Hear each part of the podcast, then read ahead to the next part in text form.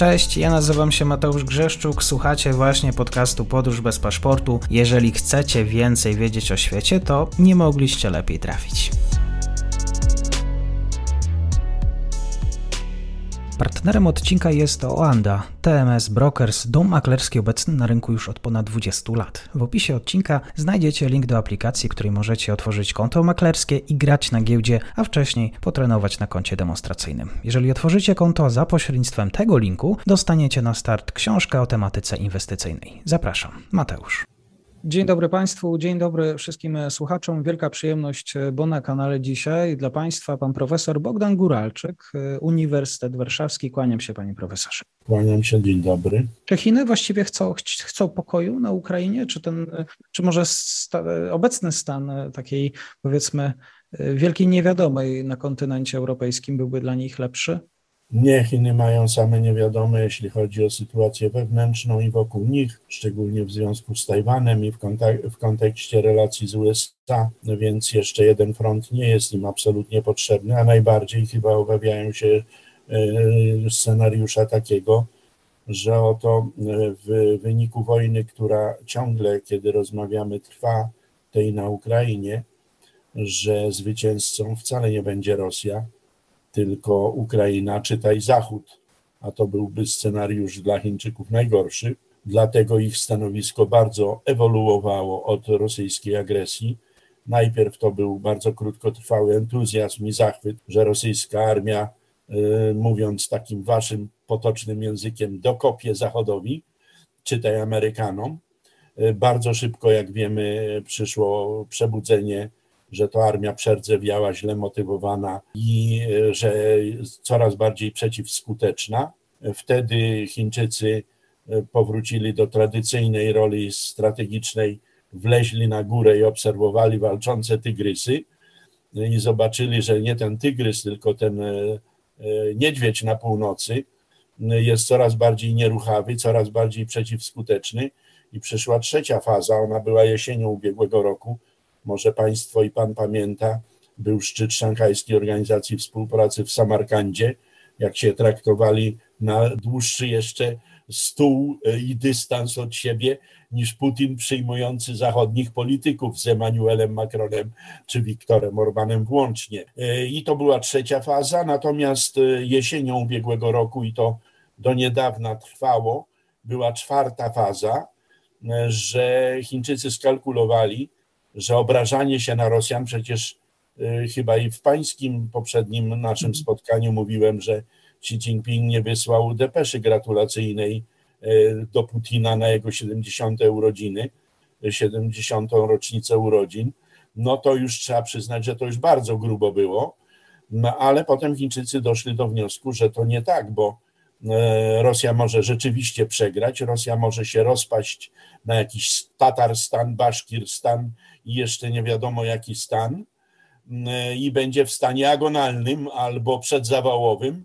I zamiast mieć partnera, którego Chiny pożądają w walce dla Chin najważniejszej, tej w starciu z Zachodem, będą mieli pacjenta, którego być może trzeba reanimować.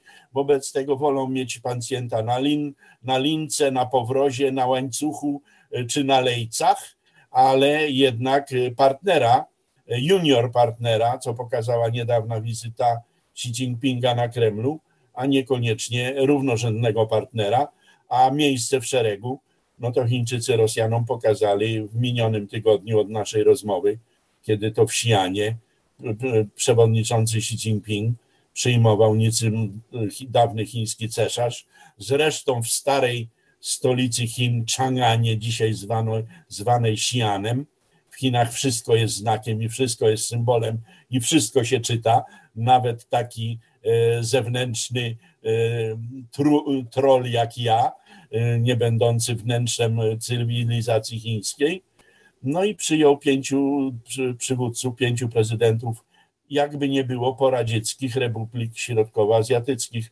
To jest nowe rozdanie, nowa mapa światowa to są zupełnie nowe czasy i Rosji tam nie było. No to jest pokazanie, że musimy i pan redaktor, i ja myśleć kreatywnie i do przodu, a nie zajmować się tylko i wyłącznie polityką historyczną. Staram się e, znaleźć e, odpowiedź na pytanie. Gdyby mówi się o tym, że rzeczywiście w, Chinach dzisiaj leży ten klucz, e, tak przynajmniej twierdzi wielu ekspertów, do zakończenia tej wojny, takie opinie słyszałem. O co mogliby właściwie Amerykanie poprosić Chińczyków w kontekście Ukrainy? To znaczy, jaki, jakie, jakie, jakie sznurki, za konkretnie jakie sznurki pociąga Pekin? Mowa tu o energetyce, biznesie? Gdybym mógł poprosić pana profesora. Znaczy, po pierwsze, ja konsekwentnie od dawna twierdzę, że to Chiny są jedynym organizmem na globie, który może wymusić na Rosjanach porozumienie pokojowe z Ukrainą. I teraz e, zaczął się ruch robaczkowy w tym kierunku, bo nie tylko była rozmowa pierwsza Żeleński-Xi Jinping i to na życzenie Kijowa, nie Pekinu. Potem, jak wiemy, y, był specjalny wysłannik chińskiego przywódcy tutaj w naszym regionie, również w Warszawie, długoletni ambasador Chin w Rosji y, Li Hui. Y, to jest krok następny. Wiem, że w Chinach szykowane są pewne rozwiązania, postulaty. Są konsultacje w tym celu prowadzone. Czy Chiny będą prosiły Stany Zjednoczone? Podejrzewam, że nie jeśli stany, stan stosunków się nie zmieni. Aczkolwiek w tym czasie, kiedy Xi Jinping przyjmował tych przywódców z Azji Środkowej, to przecież w Hiroshimie mieliśmy G7 i y, znowu było G8, bo pamiętajmy, że G7 y, za Gorbaczowa doprosiło Rosję, Federację Rosyjską i była przez pewien czas G8 jak długo? Ano do aneksji Krymu przez Rosjan do 2014 roku. I teraz G8 się odradza, ale z Żeleńskim, z Ukraińcem, a nie z Rosjaninem w roli tego ósmego. No chyba, że za ósmego uznamy reprezentowaną na tym szczycie Unię Europejską, Komisję Europejską. W tym sensie Chińczycy raczej Amerykanów prosić nie będą i nie będą też wspaniałomyślnie dla Rosjan oni, jeśli będą, jeśli wejdą i zechcą być rozjemcą, a zdaje się, że teraz na poważnie to rozważają, to tylko i wyłącznie w swoim dobrze rozumianym interesie. Oni po prostu zaczynają się poważnie obawiać, że Rosja wyjdzie z tego konfliktu, z tej wojny w chaosie, w rozpadzie, w jakimś e, zaniku, i wtedy Chińczycy mają na północy od siebie nie partnera, ale kłopot i za wszelką cenę nie będą chciały do tego dopuścić. Ale y, państwo w chaosie, to jaki to kłopot dla Pekinu w praktyce?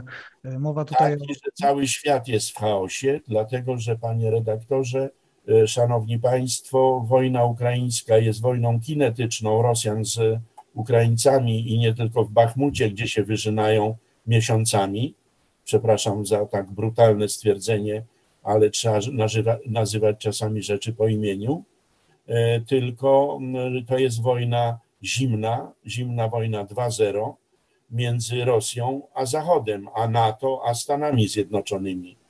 E, I tak na to patrzy całe światowe południe. I w tym kontekście my mamy dwie strukturalne zmiany od czasu rosyjskiej agresji.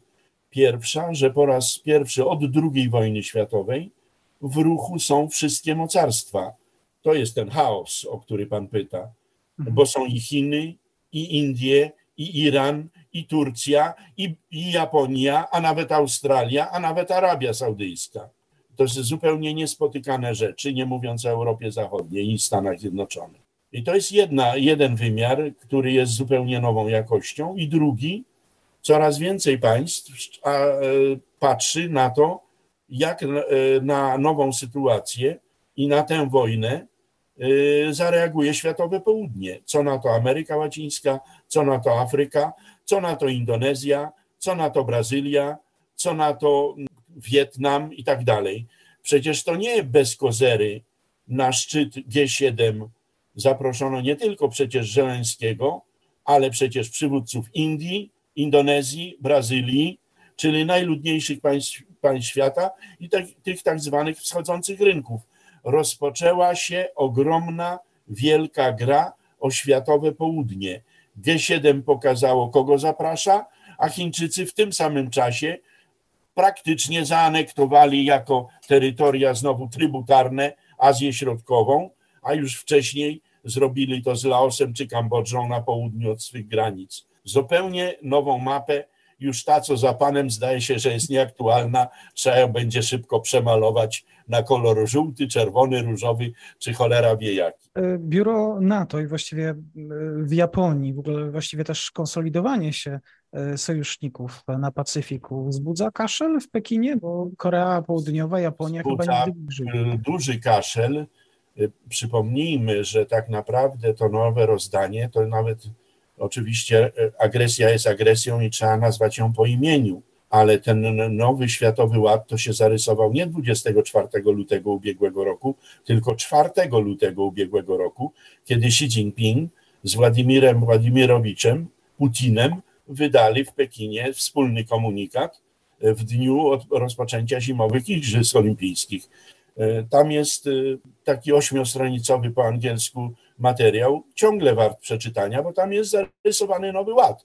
I ostatni punkt, czego dotyczy AUKUS, czyli Chińczycy w tym komunikacie zgodzili się na postulaty rosyjskie, żeby NATO nie rozszerzało się na wschód, czyli nie szło w kierunku Ukrainy i dalej, a Rosjanie w zamian za to mieli pomagać Chińczykom w nieproliferacji e, sojuszy wojskowych w rejonie Azji i Pacyfiku, bo przecież w 2020, e, już pierwszym przecież, e, we wrześniu, powstały dwa ugrupowania o charakterze sojuszy wojskowych. Jeden nazywa się AUKUS, Australii, Stanów Zjednoczonych i Wielkiej Brytanii, a drugi wydawało się, że nie będzie szczytu. Nagle okazało się, że był szczyt Quad, grupy Quad, czyli Stany Zjednoczone, Japonia, Australia i Indie w czasie G7 bo Joe Biden nie chciał lecieć na szczyt kład do Australii i pod przewodnictwem premiera Australii w Tokio, nie w Tokio, w Hiroshimie odbył się e, szczyt ten e, grupy Quad. Czyli są nowe rozwiązania w ogóle o charakterze sojuszniczym, a przecież są i nowe rozwiązania o charakterze gospodarczym. E, Chiny popierają takie no coś, co nazywa się Regional e, Comprehensive Economic Partnership, czyli wszechstronne, rozwinięte partnerstwo gospodarcze w regionie Azji Pacyfiku, a, a Amerykanie e, coraz bardziej naciskają, żeby z, zastosować swoje własne rozwiązanie o charakterze Indo-Pacyfiku. Wszystko jest w grze i pojawiają się zupełnie nowe rozwiązania instytucjonalne. Najnowsze z nich to jest ta G5, czyli Chiny, plus 5, e, a nie Chiny plus 16 czy 17, jak było kiedyś w naszym regionie. Mhm. E, spotkanie G7, właściwie G8, odbiło się jakimś szerokim echem w Chinach? Czy w jakiś sposób zakomunikowano o tym? Odbiło się, bo to spotkanie G7 miało trzy główne tematy. E, pierwszy temat Hiroshima, miasto symbol, i Japończycy celowo tam zrobili, a nie w Tokio czy w starej stolicy Osaka, e, czy powiedzmy w jakimś innym starym mieście, e, nie, nie zrobili e, tego spotkania celowo, bo postawili jako punkt pierwszy nieproliferację broni jądrowej. Zarówno ze względów symbolicznych, ale też jak najbardziej praktycznych. Japonia jest tym krajem, nad którego terytorium przelatują ładunki być może z bronią jądrową. I nie mówię tu o lesie pod Bydgoszczą, nie mówię o Polsce, tylko mówię o Japonii, bo z Korei Północnej są wystrzeliwane co chwilę i Japończycy czują się zagrożeni i celowo przyjęli tak zwany action plan, plan akcji, żeby y, się tej broni pozbywać. Oczywiście niczym Don Quixote walczą z wiatrakami. Nikt się broni jądrowej świadomy nie pozbędzie. Ukraińcy pozbyli się, wierząc zapewnieniom y, tak zwanego Budapeszt Accord, no i e, do dzisiaj plują sobie w brodę, że się tej broni pozbyli. E, Kim Jong-un, kto by o nim rozmawiał, gdyby nie miał tej broni, prawda? Czyli punkt pierwszy, e, wspaniały, godny pochwały, tylko przypominający walkę z wiatrakami. Drugi punkt, nie ma dwóch zdań, to jest kwestia właśnie Chin, wspólnego podejścia, wspólnego frontu względem Chin, Tutaj nawet Francja się wykazała, bo dostała mocne baty po wizycie Emmanuel Macrona w Chinach. No to podstawiła samolot Żeleńskiemu, żeby przyleciał najpierw na szczyt Ligi Państw Arabskich do Arabii Saudyjskiej, a potem do Hiroshimy. No i trochę ten wizerunek sobie poprawiła Francja. E, I tam był jeden e, główny e, cel znaleźć wspólne stanowisko i znaleziono takie, zmieniono nomenklaturę, nazewnictwo. Nie mówi się już za pomysłem zresztą Ursuli von der Leyen i Komisji Europejskiej o decoupling, czyli tym rozwodzie, rozejściu się organizmów, tylko mówi się o derisking, a więc o uciekaniu od ryzyka. I to jest niewątpliwie dobry krok w dobrym kierunku, ale ja bym zwrócił uwagę e, państwa szczególnie na jedno. Otóż Joe Biden po tym szczycie e, miał taką enigmatyczną trochę wypowiedź, że w stosunkach amerykańsko-chińskich należy spodziewać się odwilży, bo był ten nieszczęsny balon, który strąciliśmy i wszystko się popsuło. Podejrzewam, że Amerykanie zniosą zakaz wizowy i chiński generał e, Li Shangfu uda się do Singapuru na forum tamtejsze bezpieczeństwa. My w Europie mamy takie słynne w Monachium, a w Singapurze jest słynne Shangri-La i to zawsze w czerwcu się odbywa i podejrzewam, że dojdzie do spotkania jak przed rokiem e, szefów resortów obrony Pentagonu i e, Chin. No i będzie rzeczywiście odwilż, a w tygodniu, w którym rozmawiamy, Janet e, Yellen, czyli pani szefowa resortu finansów Stanów Zjednoczonych, też udaje się do Chin, więc odwilż następuje. I to był drugi temat. I trzecim tematem, od tegośmy zaczynali, była do niedawna Rosja, teraz była Ukraina, czyli wojna e, i agresja rosyjska na Ukrainie. I to były trzy zagadnienia, i w tym kontekście prasa chińska, media chińskie jak najbardziej się tym zajmowały. No i dawały, jak to się u nas kiedyś mówiło, dawały odpór, e, że no cóż, wspólny front się rodzi i jest e, w dużej mierze antychiński, co oczywiście władzom w Pekinie się nie podobało. Mhm. E, przeczytałem pana profesora wywiad e, w teologii politycznej, wróciłem do niego z lutego i powiedział pan e, profesor, gdyby Rosji groziła totalna klęska, wówczas Chiny zaangażowałyby się w ten konflikt. No przecież przed chwilą to powtórzyłem, a tak. nie pamiętałem tego wywiadu, przyznaję. Tak, właśnie o to chodzi. I to już znajdujemy się w sytuacji, w punkcie, o którym była mowa, o którym pan profesor opowiadał jeszcze parę miesięcy temu. Zdaje się, że do, doszliśmy do tego punktu, że Chiny zaczynają poszukiwać jakiegoś modus vivendi. O, jeszcze jest jeden element, który należy mocno podkreślić. Oni się czują w Pekinie na fali. Oni doprowadzili do porozumienia sunnitów z szyitami Arabii Saudyjskiej z Iranem.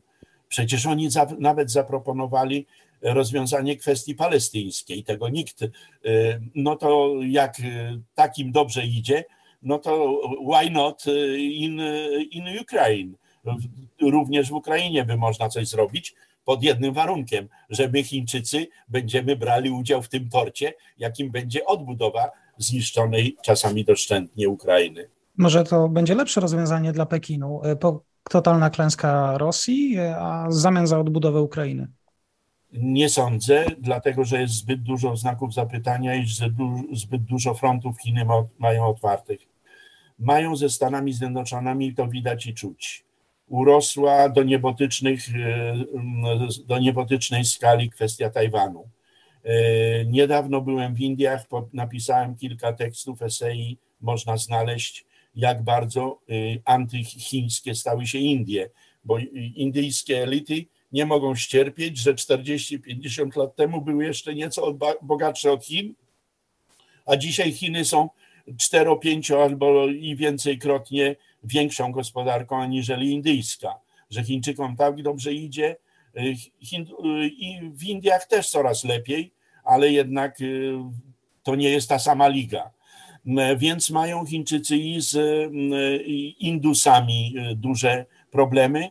No i z Europą Zachodnią y, przecież wizerunek Chin podczas pandemii straszliwie się popsuł, co notują wszystkie sondaże.